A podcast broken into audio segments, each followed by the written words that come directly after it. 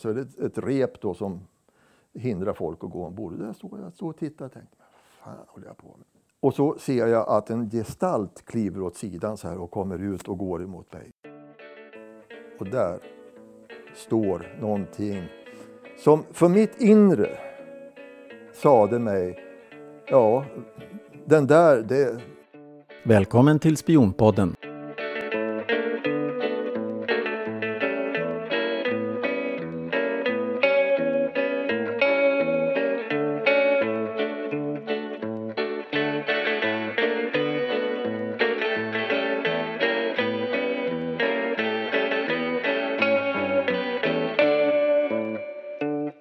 Ja, hej och välkomna till ännu ett avsnitt av Spionpodden. Idag sitter vi eh, i en lägenhet i centrala Stockholm och eh, kommer att prata med en eh, för detta spion och agent och skattletare, dykare, allt möjligt. Donald Forsberg, välkommen! Tack, trevligt att komma hit. Ja, tack detsamma. Jättekul att du, att du är här. Du, du har jobbat inom IB och du har jobbat på en massa olika instanser och varit informationsinhämtare och jobbat för tullen och allting. Kan du inte bara börja med att berätta? Ja, det var mycket på en gång det där, men jag ska försöka att slingra mig framåt ja, det är bra. i historiebiten här. Ja, efter att ha levt 19 år på Gotland med vetskapen om att jag har en pappa som har varit främlingslegionät som fick koka soppa på, på, på gräs och äta och så. Det var det enda jag visste om honom. Han hade varit 15 år i legionen och sen kom han hem tiden går och jag är ute på sjön lite grann och sen ryker jag in i eh, kustartilleriet uppe i Vaxholm. Och blir faktiskt uttagen till röjdykning och det är ju väldigt speciellt. Och jag gjorde bra ifrån mig det, det gick bra. En fredag eftermiddag så gick jag på expeditionen på K1 och lånade en telefon. Och då ringde jag till Lektyr, den här eh, tidningen då, ansedda tidningen. För att jag visste att min far hade på 50-talet skrivit en mängd av artiklar om, om Främlingslegionen. Får jag bara fråga, vilket årtal är vi i nu? Eh, nu är vi 67. 67, okej. Okay. På, på K1. Ja. Innan du fortsätter, att du, innan du ringer till din far, kan du inte berätta, vem var Harry Forsberg? Harry Forsberg var en eh, hälsingepojk som redan som 13-åring eh, ville ut på sjön. Han smög ombord på en, en koltramp i, i Ljusne hamn eh, och gömde sig. Och efter tre dygn så hade kocken hittat den här ynglingen sittande i, i en vedskrubb ombord. Och då var det för sent att vända. Utan de tog med sig honom.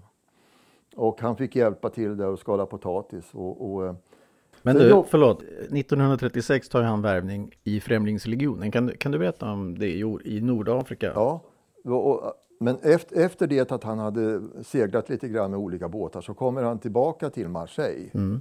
Och då super han till en natt och blir rånad fullständigt. Han, han hade bara byxorna på sig. Allting hade de tagit.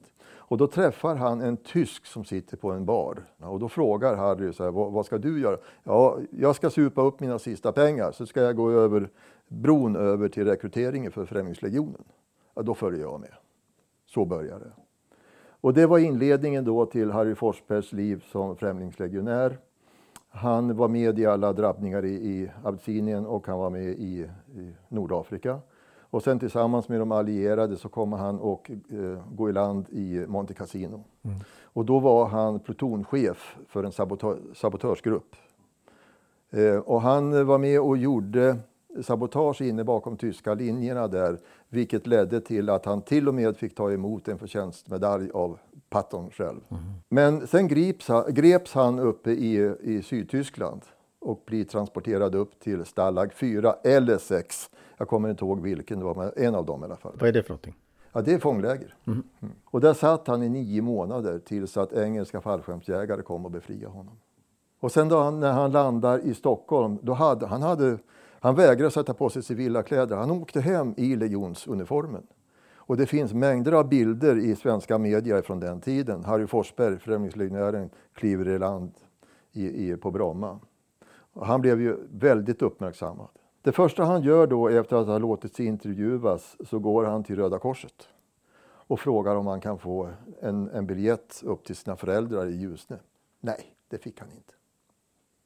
Då berättade Harry för dem, för att han tyckte de skulle veta det, vad Röda korsbilarna hade gjort nere vid de tyska fånglägren. Nämligen att paketerna som de skulle ge till fångarna, det gick till tyskarna istället. Och är, är vi under andra världskriget nu? Eller? Ja, det är ju slut. Det är ja, men alltså, det, det, det, vi, det vi pratar om är andra. Ja, ja, det är precis i slutet. Då. Nu tar det inte så lång tid innan svenska underrättelsetjänsten får ögonen på den här killen och kontaktar honom. Undrar vad han är för en filur. Och det resulterade i att han blir alltså rekryterad till, först till svenska underrättelsetjänsten. Okej, men där, vad var det han gjorde för säkerhetstjänsten? Nej, underrättelsetjänst och, och säkerhetstjänst, det var inte det han skulle göra. Utan efter det att hans grupper i, i Främlingslegionen hade splittrats och åkt hem till respektive länder, mm. överallt, så hade ju han kontakter i, i, i andra makters eh, försvarssystem. Mm. För de, de, de, alla de här veteranerna blev ju inplockade mm. i respektive lands försvar, precis som han. Så att när han blev kontaktad av det som sen skulle bli Stay Behind i Sverige, då hade han enorma kontakter redan ja, ja. som han kunde etablera. Mm. Och det blev han. Så att han blev förbindelselänk i Stockholm, i Sverige, åt svenska falangen av Stay Behind med ja, de andra europeiska. Mm. Det var han med och byggde upp. Mm. Ska vi gå tillbaks till uh, ditt samtal? Du ringer till din far. Ja, jag fick telefonnumret till, till en konstnärinna som heter Lillemor Lovén. Så svarar hon och jag säger hej, jag heter Donald Forsberg från Gotland. Jag undrar om du vet var min far finns? Ja, det ligger en gammal ångbåt nere i Nybroviken precis nedanför, eh, eh nedanför Dramaten. Och det är en nattklubb. Ingenting där på dagarna utan på nätterna då är det full fart där nere. Men det, inga vanliga får gå ombord där utan det är bara klubb, det är klubb Saltsjön. Men eh, där nere finns han, han bor ombord där. Och när jag kommer ner, ja där ligger båten. Så är det ett, ett rep då som hindrar folk att gå ombord. Där står jag stod och tittade och tänkte, vad fan håller jag på med? Den här gubben då, Harry, ja, ja det är min far visserligen, men vad fan, han har inte gjort ett dugg för att leta efter mig. Vad fan ska jag leta efter honom för? Så det var på vippen att jag hade bara vänt mig om och gått därifrån. Och så ser jag att en gestalt kliver åt sidan så här och kommer ut och går emot mig. Och där står någonting som för mitt inre sade mig, ja, den där, det, känslan för mig mot, mot den personen, det var precis som att vi, vi sågs igår. Mm. Så att när, när, när, vi sen, de första timmarna när vi satt och pratade, var precis som att jag, vi hade varit borta ifrån varandra. Så att det var alltså en intimitet, alltså personligt och mm. känslomässigt, så det, det slog till bara. Och då sa han, ja hör du, vi har lite kort med folk som jobbar i baren på nätterna här uppe. Kan du tänka dig stå här uppe i baren och, och, och krana öl i natt? Ja visst, sa jag. Du får 50 spänn i natt. Och 50 spänn 67, det var mm. mycket pengar. Mm. Och Ombord på den här båten så var det ju mycket mystiska människor som bodde där för att de hjälpte till att städa lite grann. Mm. Vi hade intellektuelle Johansson eh, som med sin epitet var där ombord. Och, vem, vem, ja, vem var det? Gangster-Johan. Alltså en av, en av um, Klara Bohemernas allra sista figur. När han inte bodde ombord på båten så bodde han i en soplåda uppe vid, vid um, Humlegården. Va? Ja, där bodde han. Soplåda? Ja, en, en sandlåda. Sandlåda? Ja. Och det, alla visste att han bodde där. Så att de lyfte på locket. Hej, hej Johan, hur mår du där? Ja, ja, ja, ja. Och han skrattade, han skrattade inåt, inte utåt. Så han hade någonting. Men, men varför då, var han så omtyckt? Gangster-Johan? Ja. Ja, nej, han var ju den sista kultur, den sista, allra sista klara bohemerna. Men sen hin, in, inträffar någonting. Plötsligt så kommer det upp, vi sitter uppe i... i Ur sandlådan? Ah? Ur sandlådan? Ja, ja, ja, ur sandlådan. Ja, visst. Nej, men när vi sitter uppe i baren där på övre däck så kommer det en liten mörk, smal, mager, ämlig, tanig figur upp med en stor jävla gitarr släpandes. Och så sätter han sig ner där. Och han hejar bara lite grann så här. Och plötsligt så börjar då den här killen med gitarren några bord bort. Då börjar han att spela och, och, och trudelutta där. Och, och, och, sjunger på ett nasalt sätt så att jag säger, vad i helvete är det för en person? Ja, det är, den, det är den där jävla eh, Staff. Bernt Staff? Bernt Staff, ja. ja. Jag visste ju ingenting, han satt ju bara där. En, en svensk och trubadur. Han och sjöng något nasalt. Ja, la, la, la, la, la, la, la. Vad tycker ni om den då, sa han. Skit, spela inte den för då kastar vi landet, sa Men då satt han, Bernt Staff, nämligen och skrev den balladen, eh, Familjelyckan, Mhm. som idag är en klassiker. Okej. Men det är nämligen så att Men du, för att inte det här ska bli en familjesaga, vad hade fartyget med spioneri och underrättelsetjänst att göra? Ja, nej men då är det så här att det här blev ju min introduktion på det hela. Och jag visste i natt ska jag stå och sälja öl här. Och jag står där, klockan är väl ett. Då kommer det in en gestalt eh, som fyller rummet, så att säga. Eh, stor basker, yvigt hår, stort skägg och mycket kraftigt eh, svarta glasögonbågar och så här. Och, och, och bombastiskt så här. Eh, och direkt, han går direkt fram till, till, till bardisken och ställer så tittar han. Är det här eh, Harrys ohängda son som har kommit tillbaka? Sen under den timmen som jag stod och talade med den personen så rökte han kanske två stycken hela Cecil-paket. Det här var första kvällen. Jag tjänade 50 spänn. Och varje natt klockan ett så kommer den som jag då kallade för skotten. För jag, jag tyckte han såg ut som en skotte. Och jag visste ingenting om honom. Men han visste mycket om mig. Men det har väl Harry berättat tänkte jag. Då möter jag Harry på däck.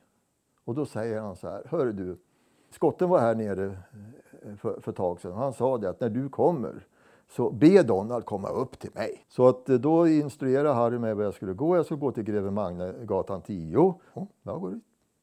Knackar på. Han kommer upp. Nej, titta Harrys pojken. Här, äh, trevligt, kom in här. Så vi går in i hans eh, bibliotek och där inne sitter det två personer till.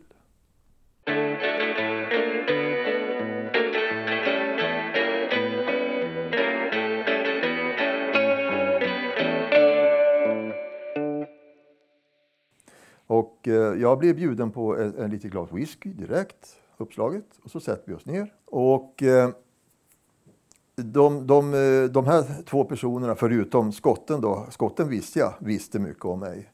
Men det visade sig att de här två personerna visste lika mycket som skotten om mig. Så vi hade en liten sån här formell introduktion då innan de sa så här att hörru du, vi känner din far sedan många, många år tillbaka.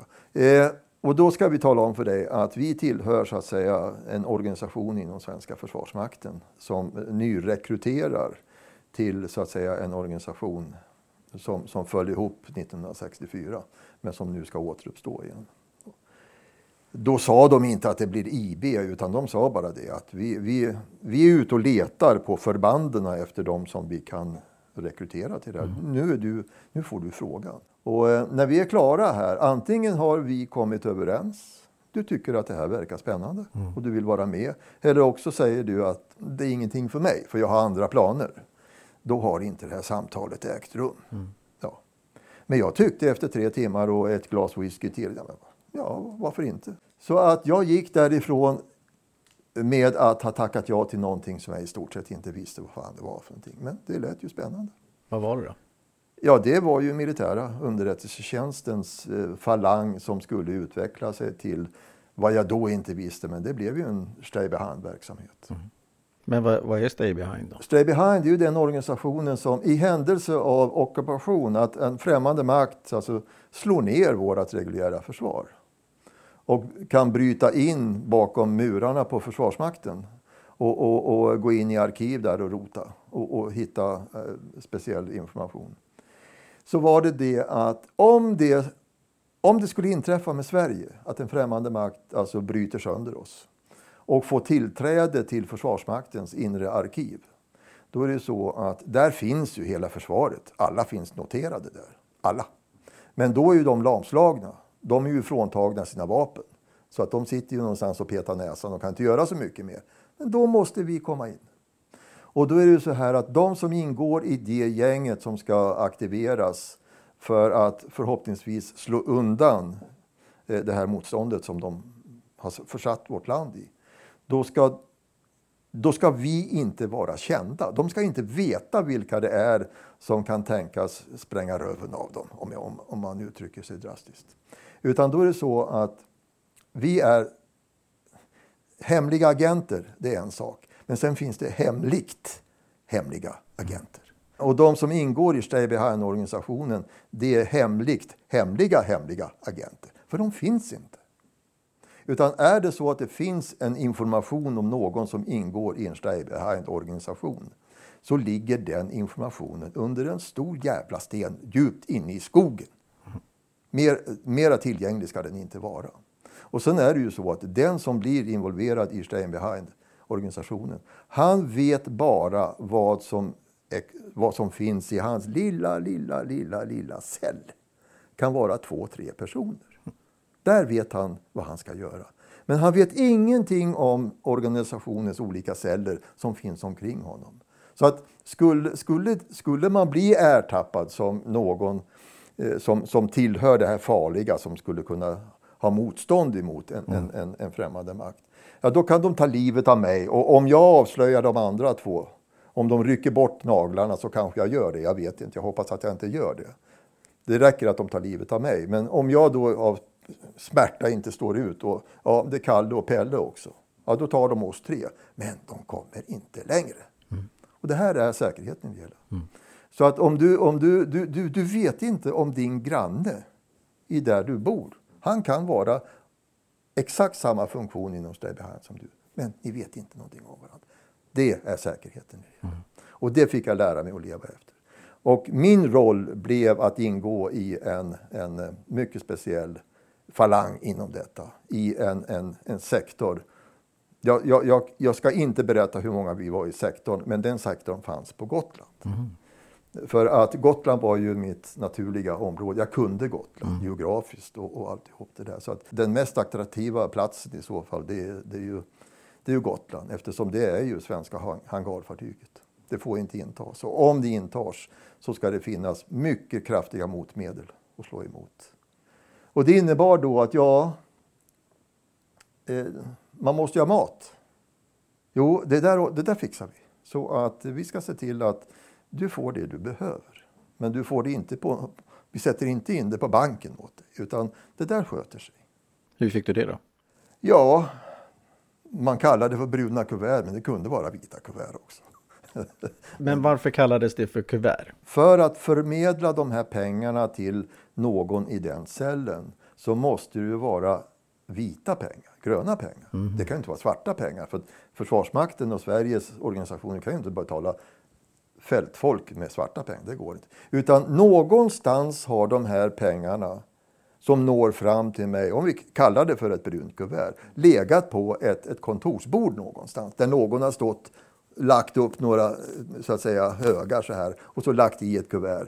Och så finns det då en, en liten kod på den. Att den här ska till, till X83798 eller någonting sånt. Och då vet någon som kommer och hämtar dem där. Han vet alltså vem som han ska lämna dem här till. Men i, i princip är det, ja, det, det, är pengar och lön? Ja, för... precis. Och, och sen lämnar han då till en som går till de två eller tre. Säger varsågod, här är din, här är din, här är din. Så och så fick du dina ja. pengar. Vad var det Men, du gjorde då? Förlåt? Vad var det du gjorde då? Ja, alltså varför jag fick eh, lite betalt för uppgifter, ja, det, jag kommer in på det, men jag måste smyga mig över den här lilla puckeln här först. För att eh, jag är ju inte nere på Gotland än. Jag, nu är jag i Stockholm. Mm. När Harry fick reda på att jag hade tackat ja, då berättade han för mig.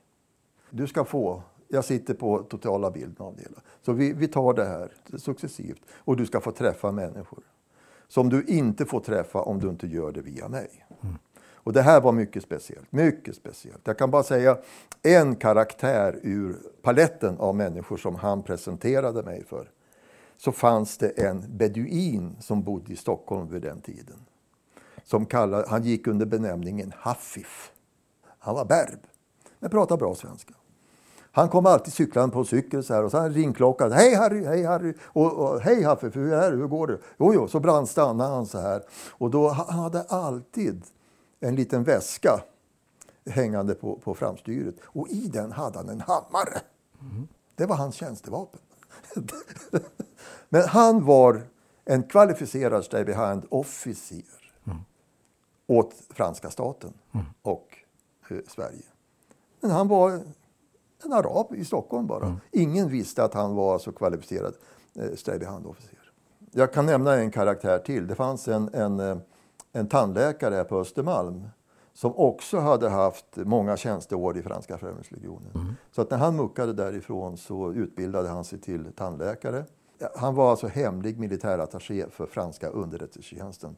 Han hade kontakt med franska militära attachén. Mm. Hans cover, det, det, var ju tandläkare. Mm. Men samtidigt så var ju han med sina franska främlingslegionärs meriter eh, kontaktman mellan så att säga organisationen i, i staden så att säga.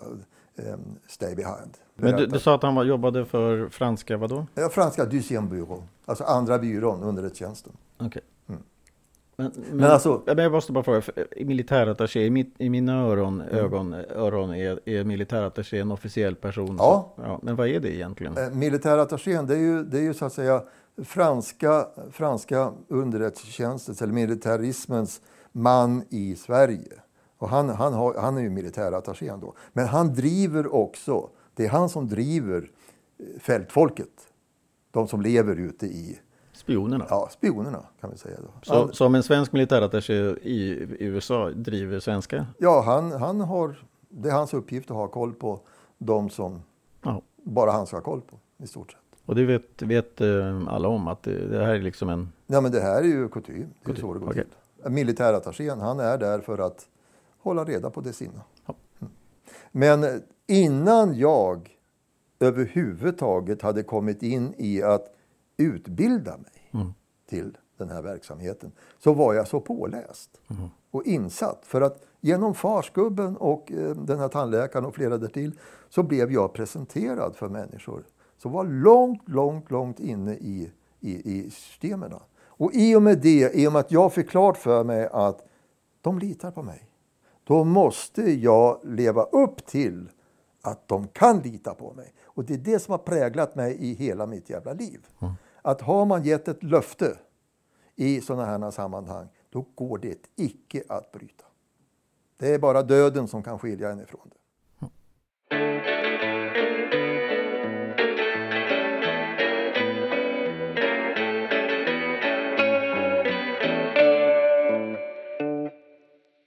efter det att jag hade träffat dem här uppe hos skotten då så blev jag på det klara med att jag kommer att få träffa en person till i ledet av det här. Och det är han då som ska träffa mig och prata med mig och sätta mig i rätt system. Mm. Och han var påläst, mycket påläst, mycket påläst. Och så sa han, ja vi, vi måste ju, jag vill skräddarsy en roll åt dig mm. där du passar bäst. Och då sa han, jag har pratat med en person som, som, som du har träffat väldigt mycket och han, sitter, han är byrådirektör och sitter på en, en, en hög tjänst på ett ställe. Du vet vem jag menar? Så. Ja, jo, jag vet vem jag menar. Vem, vem menar han då?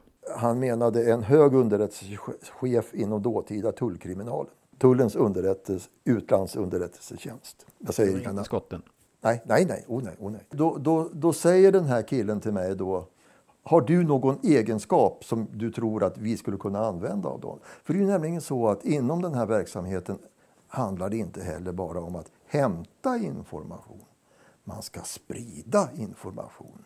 Men Desinformation? Alltså. Men desinformation. Och den som verkligen kan sprida desinformation, den måste vara mycket professionell. För att om han sitter och ljuger för folk ute på stan för att sprida villfarelser, då måste han kunna göra det på ett sätt så att de tror på honom. Mm. Ja, ja, jag tror jag kan det, så. Det brukar gå bra. De tror på mig. Jag ljuger så tungan blir grön på mig, men ja, de tror och det, det är bra. Ja, det är jävligt bra. Så. Det, det, det, det ska jag komma ihåg när vi är klara med den här intervjun. jo, men det är en liten brasklapp. Eh, och, och, men vi har ju vi har ju, ja. Berätta vidare. Du, du träffade honom och vad, vad, vad, blev din, ditt? Ja, efter det att jag hade pratat med honom då så var jag cleared så att säga att åka till mitt operativa område. Mm. Så att jag åker hem till Gotland med tre namn i bagaget. Den ena, jag, jag kan alltså säga namnet på, på, på den första. Han hette Kalle Edström. Han var chef för Säkerhetspolisens ryssrotel, mm. som det hette på den tiden. Han gick under benämningen Gotland Yard. En mycket speciell människa. En mycket speciell människa, men med en datorhjärna. Han kunde hela Gotland på sina fingrar. Men han kunde inte köra tjänstebil, för den krockade han var och varannan vecka. Det här var nummer, nummer ett jag hade med mig i bagaget. Ja. Namn nummer två nämner jag inte namnet på, men han hade en, en, en befattning inom Försvarsmakten på Gotland. Han jobbade uniformerat, men han hade också en, en civil roll Okej. för, för det hela. Han, eh, Vilket år är vi nu? ja, nu är vi 90, Ungefär? nej, vi är 60, skiftet 68-69. Okej. Mm. Så jag har då alltså varit här uppe och fått mig lite lärdom. Mm. Bland annat att stå på, på tändstopet och fotografera Jan Guillou med en Minox i en cigarettask. Men det kan vi ta en annan gång. Bara Jan Guillou? Nej, det var flera. Lemberg också. Och de andra. Allihopa. Men vad var det du gjorde där då? Hade Ja, du... men jag skulle lära mig tekniken att fotografera med ett småminox instoppade i ett cigarettpaket Mhm. med ett utklipp precis för, för själva utlösaren. Och det var sån fantastisk objektiv på dem där att det var ju bredvinkel. Mm. Så att man kunde bara ta upp och låtsas ta en cigarett och så tryckte man bara på en viss punkt. Där visste man att avtrycka på så slogs det. Och de, de kassetterna som satt i den här min, de samlade bara i fickan och sen dagen efteråt så åkte man på ett ställe, där stod en bil som vanligt. Man överlämnade eh, de exponerade kassetterna så fick man nya. Och jag visste inte vem, vem det var jag lämnade dem till, men det var uppgjort, så var det. Men hur, läm... vadå, hur lämnade... Träffade du någon person? Eller Ja, nej, men jag, jag hade då exponerat mängder av bilder på tändstopet, men det var ju flera ställen. Och sen visste jag det att jag ska lämna dem vidare på en uppgjord plats. Det kommer en bil, jag vet att det är den bilen. Jag vet, där sitter han, jag vet inte vem han är. Han sträcker bara ut handen. Han får min påse med mina exponerade kassetter och så får jag en ny av honom. Och så åker vi vidare. Men varför tändstopet? Ja, för att det var ju ett vattenhål för journalister. Och till journalister dit drogs ryska agenter. Ja, och det är ju nämligen så att vi fick ju sitta och bläddra i permar Ja. med i smyg tagna fotografier på ryska agenter i andra länder. Okej. Men just att den här 88 här, han är i Stockholm nu och han brukar vara på, på eh, tändstopet och där och där. Så passa på när han är där och se på vilka reaktioner han har med Janne Guillou och ja, de andra, alla journalister.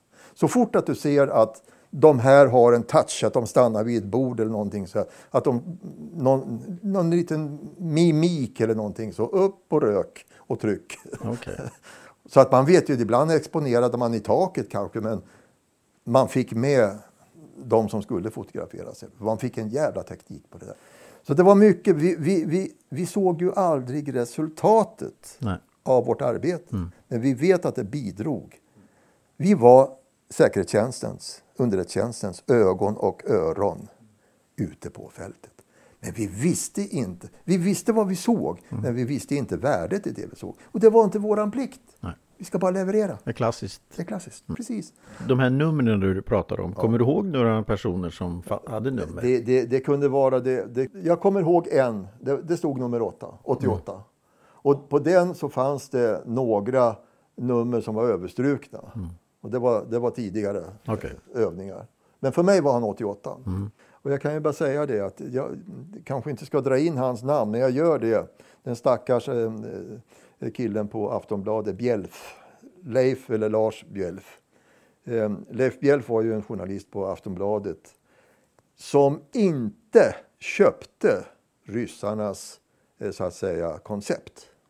Och han köpte inte Nick Neylands förklaring att han var så att säga bara hitskickad för att vara eh, eh, chef för den eh, sovjetiska nyhetsbyrån. Vem var Neyland? Neyland, Nikolaj Neyland. Det var han som redan 62, i, i, han, eh, han växte upp eh, ungefär två landmil ifrån i, arbetar, i arbetarkvarteren utanför Riga. Två mil kanske ifrån Skangel, där som Palme växte upp som societetsbarn. Så att redan 62 så hade man valt ut Nikolaj Neyland till KGB och att han skulle lära sig svenska. För man hade placerat honom redan så att säga för den här, den här killen ute på Skangel, Palme, svensken där, han kommer att bli något stort. Och då ska vi ha Nikolaj Neyland färdig att skicka över till Sverige när han har fått en position i Sverige. Och 68 då var det färdigt. Då skickade man över Neilands till, till Sverige på prov för att se om han kunde närma sig eh, Palme. Så att när han kommer hit då, eh, då får han svårt att få uppehållstillstånd här så att han blev utvisad och åker hem. Men sen fick han några andra möjligheter att komma hit. Och när han kommer hit 69 eller 70, jag kan ta fel på några år där, då, då anfaller han ordentligt. Och sen tar det inte så lång stund innan han är med och spelar både eh, tennis och badar bastu med Olof Palme. Tillsammans med eh, ja, de här två journalisterna. Du vet vem de är. Nej. Vad hette han som skrev den här boken Maktens korridorer? Ortmark. Ortmark. Jaha. Ortmark. Ortmark och eh, den, den tredje personen, han var då eh, journalist också. Jag, jag kommer inte ihåg hans namn just Nej, nu. Men, ja, det, Men vad hade de med, med han? eh, Ja, men de, eh, för att de här två, eh, Ortmark och, eh, och, och den här journalisten, de hade ju ett förhållande till, till Olof Palme då. Vilket då Nikolaj Neilman kunde använda och bryta sig in och till slut så, så blev det ju så att eh, Nikolaj Neiland kunde göra det, det önskedrömmen att få bada bastu och, och eh, eh, spela tennis tillsammans med, med eh, Olof Palme. Men, men vad hade han med, med eh, journalister att göra? Nikolaj Neiland? Ja, han, På han, han, Nikolaj Neilands identitet i Sverige det var att vara chef för eh, den här ryska nyhetsbyrån som fanns i Stockholm, som, som låg någonstans här nere i centrum. Okej. Det var hans cover så att säga. Men han var ju, han var ju, hans egentliga roll, det var, hans absoluta uppdrag, det var att, att bli, eh, komma i närheten av Olof Palme. Och det gjorde han ju med den, med den äran. Och han blev Hur då? Hur då? och att en rysk överste i KGB kan åka till Sverige och på kort tid bli som vän med, med, med Sveriges högsta politiska ledning så att han badar bastu och spelar tennis med honom. Det, det, det ska till. Men han var, ju, han var ju utbildad redan från 62 i... Och jag vet ju det att vid den här tiden så fick ju Olof Palme, han fick ju varningar från säkerhetstjänsten. Att, vet du om att du badar bastu och spelar tennis med en, en, en KGB-överste?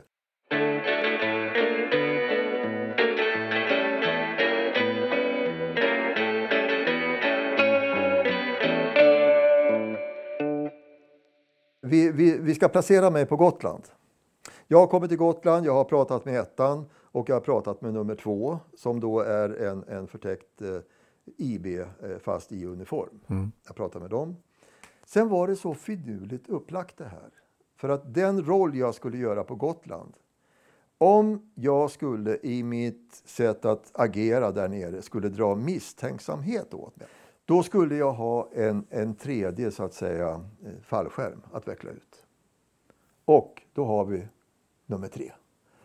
Han hette Alfred Hempel. Okej. Ja, Alfred Hempel var högsta chefen för tullen på Gotland. Du är på Gotland åt tullens underrättelsetjänst i Stockholm och du ska hjälpa oss med vissa saker här nere. Men det är bara jag som ska veta till din existens. Och är det någonting du behöver förmedla in i tullsystemet av dina iakttagelser så är det mig du ringer så kommer jag och hämtar dina upplysningar. Okej. Det var bra. Jättebra. Då är allt klart. Jag hade mina undercover-gubbar då och, och, och, och ta hjälp av i händelse av att det är någonting.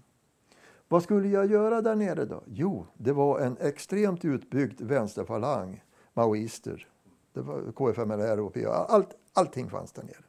På den ön som var så jävla eh, bemänd av att, att ha rent hus kring de militära anläggningarna. Så min roll, det var i två fas.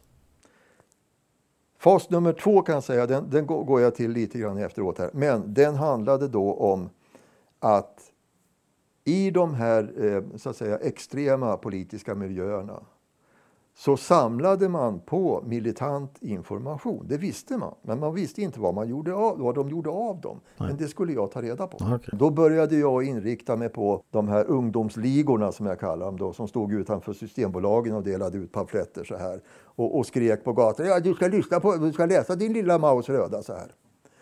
Och då gick jag och spanade på de här och tittade. Vem av dem ska jag plocka ut ur skocken? Och bygga om. Supa ner, eller gör vad fan du vill. Manipulera. Ja, manipulera. gråsten. Värva. Värva. Så att jag målsökte. Jag var uppe på pubbarna. Jag satt och tittade på dem. Och jag, den ska jag ha. Då fick jag reda på att han jobbade på Gotlandsbåtarna. Där jobbade han. Mm. Självklart så söker jag jobb på Gotlandsbåtarna som kock och blir anställd Mm. på samma vakt som honom.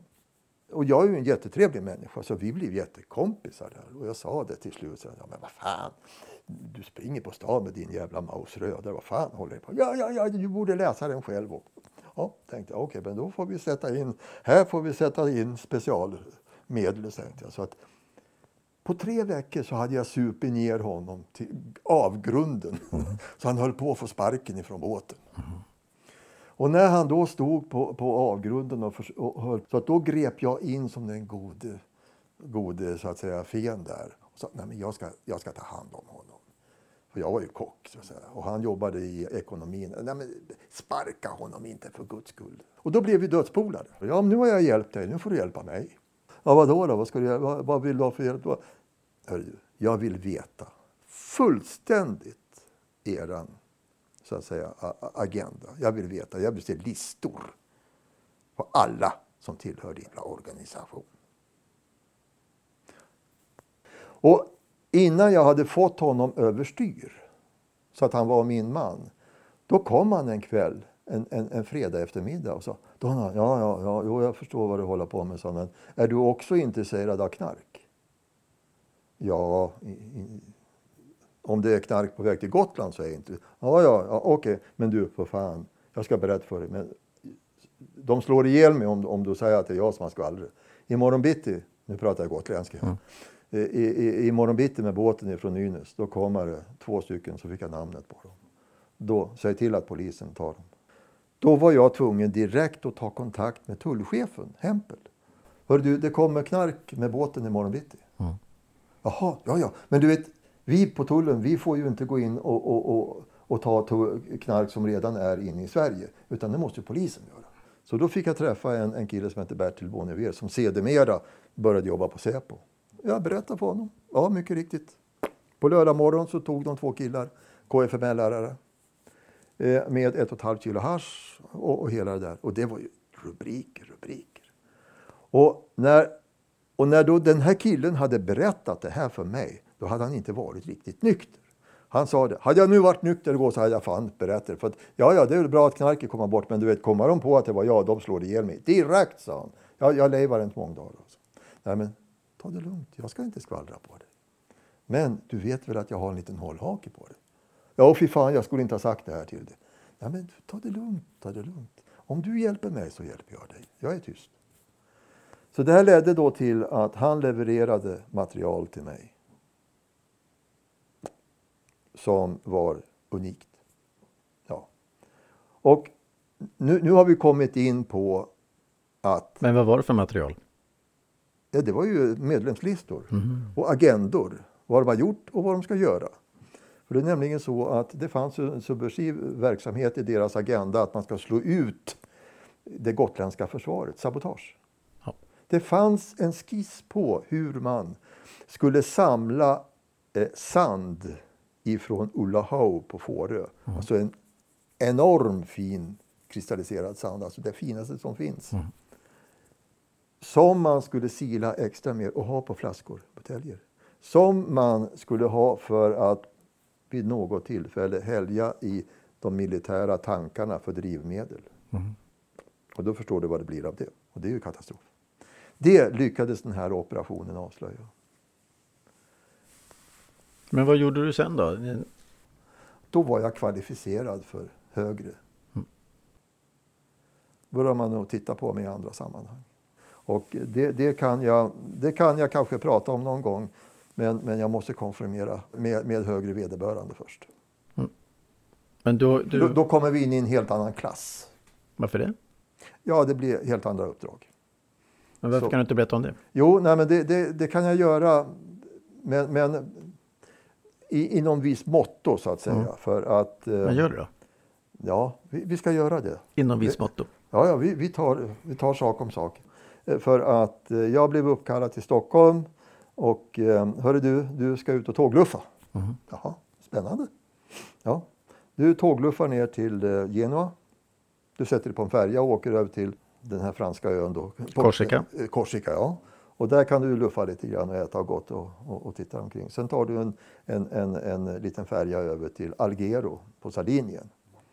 Och eh, där ska du då slå dig till ro och eh, titta dig omkring. Sitta och sjunga, fixa en gitarr och sitta och sjunga lite grann. Men hör du, du kan ju, du kan ju alla Evert Taube och Dan Andersson, de är jätte, jättefina. Men det finns en liten sång du ska lära dig. Ordentligt. Så du var Och- trubadur? Ja, ja, ja, men jag, är ju, jag har ju spelat gitarr i, sen jag kunde stå på benen. Så att säga. Och den heter Brigada Rosso. Avanti popolo, Brigada Rosa. Oj. Ja. Så den lärde jag mig ganska gott på, på italienska. Men är inte det en kampsång? Ja, ja, visst, visst, visst är det det. Jag, jag, jag sympatiserar inte med varken eh, texten, melodin eller någonting. Utan det, den sången jag lärde mig, det, det var ett redskap för mig Okej. i ett uppdrag.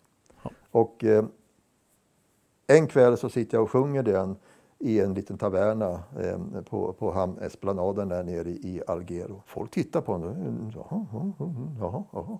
Kvällen efteråt så kommer en liten skönhet och sätter sig bredvid. Ah, listen to you last night. Ah, it's a beautiful song you see. Där stoppar vi. Okej, eh, du vill inte berätta mer om Sardinien, då får vi avsluta här. Då, Och, då eh, ska jag inskränka mig till att säga så här att orsaken till mitt tåglufferi, Mm. att jag var där nere, det var början på ett uppdrag. Som i tid och omfattning och inriktning är att likställa sig med den avslöjade IB-agenten Gunnar Ekbergs vistelse vid samma tid, i stort sett, nere i sanddynerna lite längre bort i, öst, i, i, i Medelhavet. Mellanöstern. Ja, vi var ute kan vi säga i exakt samma sorts uppdrag. Och Gunnar kommer hem och de får köra honom på safe house för att han har alltså kvalificerade mördare efter sig och gömma honom. Vad, vad är en safe house? Safe house, man, man, alltså organisationen tar hand om en för att man, man är kvalificerad för att bli avrättad. Okej. För att man har alltså trampat en, en giftorm på skallen. Det är alltså IB som själva sätter honom i ett safe house? Ja, Okej. det, för att de hade ju fått reda på att han, han stod ju under dödshot.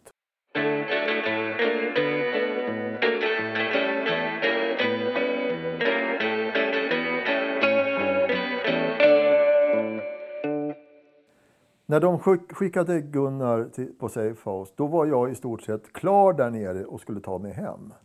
Med utfört uppdrag. Och det hade ju Gunnar också. Han hade ju lyckats med sitt. Och jag jag inser att nu har jag gjort det jag ska göra, jag har det jag ska ha. Då vet jag att nu är det dags att åka hem. Så att jag åker över och tar en, en, en snabbbåt, en sån här snabbfärja över till Civitavecchia på, på fastlandet då som är eh, eh hamnstaden till Rom. Och där går jag då till närmaste telefon och ringer ett inpräntat telefonnummer till ett ställe och identifiera mig. Det tog en timme kanske, kanske en och en halv. Så kommer det en en specialbil ner och hämtar mig och kör mig direkt ut till, till Da Vinci, där flygplatsen. Två och en halv, tre timmar efteråt så landar jag på, på Arlanda. Och när jag kommer in i ankomsthallen där så står det en person, nej, två stycken, och välkomnar mig hem. För att de hade fått rapport ifrån, ifrån eh, ambassaden där nere att han är på väg hem. Och när jag kommer in i ankomsthallen där så ser jag på postersen där att den gamle kungen har dött nere på Sofiero i natt. Gustav VI Adolf. i, ja, ja, precis. Och, jo, jo. Men jag hade i bagaget hem det man hade skickat mig för att efterfråga. Så att det var en lyckad operation. Och jag hade varit borta ett tag. Och jag hade en liten familj vid den tiden. En kvinna. Och en liten son på eh, tre år tror jag. Ja, han var tre år bara. Och det här är känsligt. Det är känsligt, jävligt känsligt. För att när jag drog iväg på det här uppdraget så sa jag till henne att jag, jag är nog tillbaka om några dagar. Men så blev det inte. Ja, det är jävligt känsligt. det är inte klokt. Utan jag försvann. Jag kunde inte tala om att nej, jag kommer inte. Det tar lång tid innan jag kommer hem. Hur länge var du borta? En och en halv, två månader någonting. Jag, jag, jag kommer inte ihåg riktigt när jag stack, men jag vet bara när jag kom hem. Men hon förstod, hon visste att jag håller på med någonting som jag inte kan berätta om. Så hon hoppade. Fy fan vad kämpigt det är. Hon... Eh, hon bad en bön varje kväll.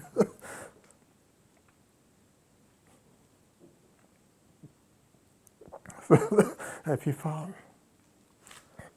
För att det inte skulle hända mig någonting.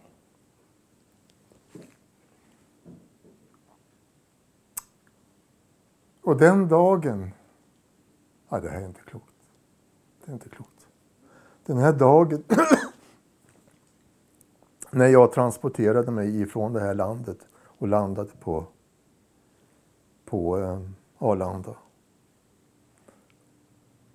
Då hade hon, som hon berättade efteråt, fått en känsla.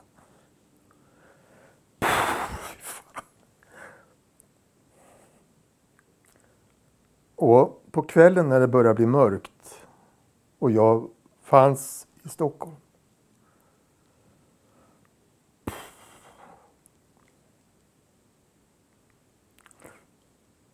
Då såg hon... Det är inte klokt. Då såg hon en stjärna som föll. Mm.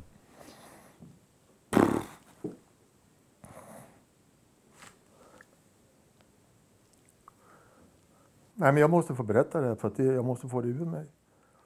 Men eh, då hade hon tagit ett tecken på att jag levde.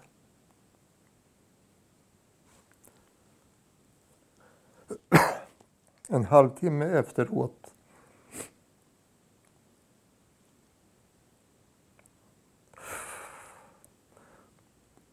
så så ringde det i hennes telefon. Och då var det jag. Fy fan vad känsligt. Det är inte klokt. Så hon hade fått en föraning och en halvtimme efter att hon hade sett stjärnan falla, då trodde hon att det var ett sign. och så ringer jag och säger att jag är hemma. Det är inte klokt det här. Men då kan du förstå hur mycket spänningar som satt i att utföra ett uppdrag för den här staten. Mm. Utan livlina, utan någon backup. Mm. Utan bara åk ut och gör ditt jobb och kom hem med resultatet. Mm. Och det var exakt samma sak med Gunnar Hjert. Vad har vi fått för tack för det? Ingen pension, ingenting. De har glömt bort oss. Vi finns inte. Det finns veteranföreningar i Sverige där de bröstar upp sig med sina blåa baskar. Och de har gjort, och, och jag såg en kula som får upp emot, herregud och alltihop. Ja, men de har sitt liv. Men de jobbade för en helt annan organisation. De jobbade för den öppna staten. Gunnar och jag, och det fanns flera. Jag känner bara Gunnar ifrån den här verksamheten. Men det fanns fler. Det fanns de som inte kom hem. Vi lyckades med våra uppdrag. Men vi fick ingen tack för detta.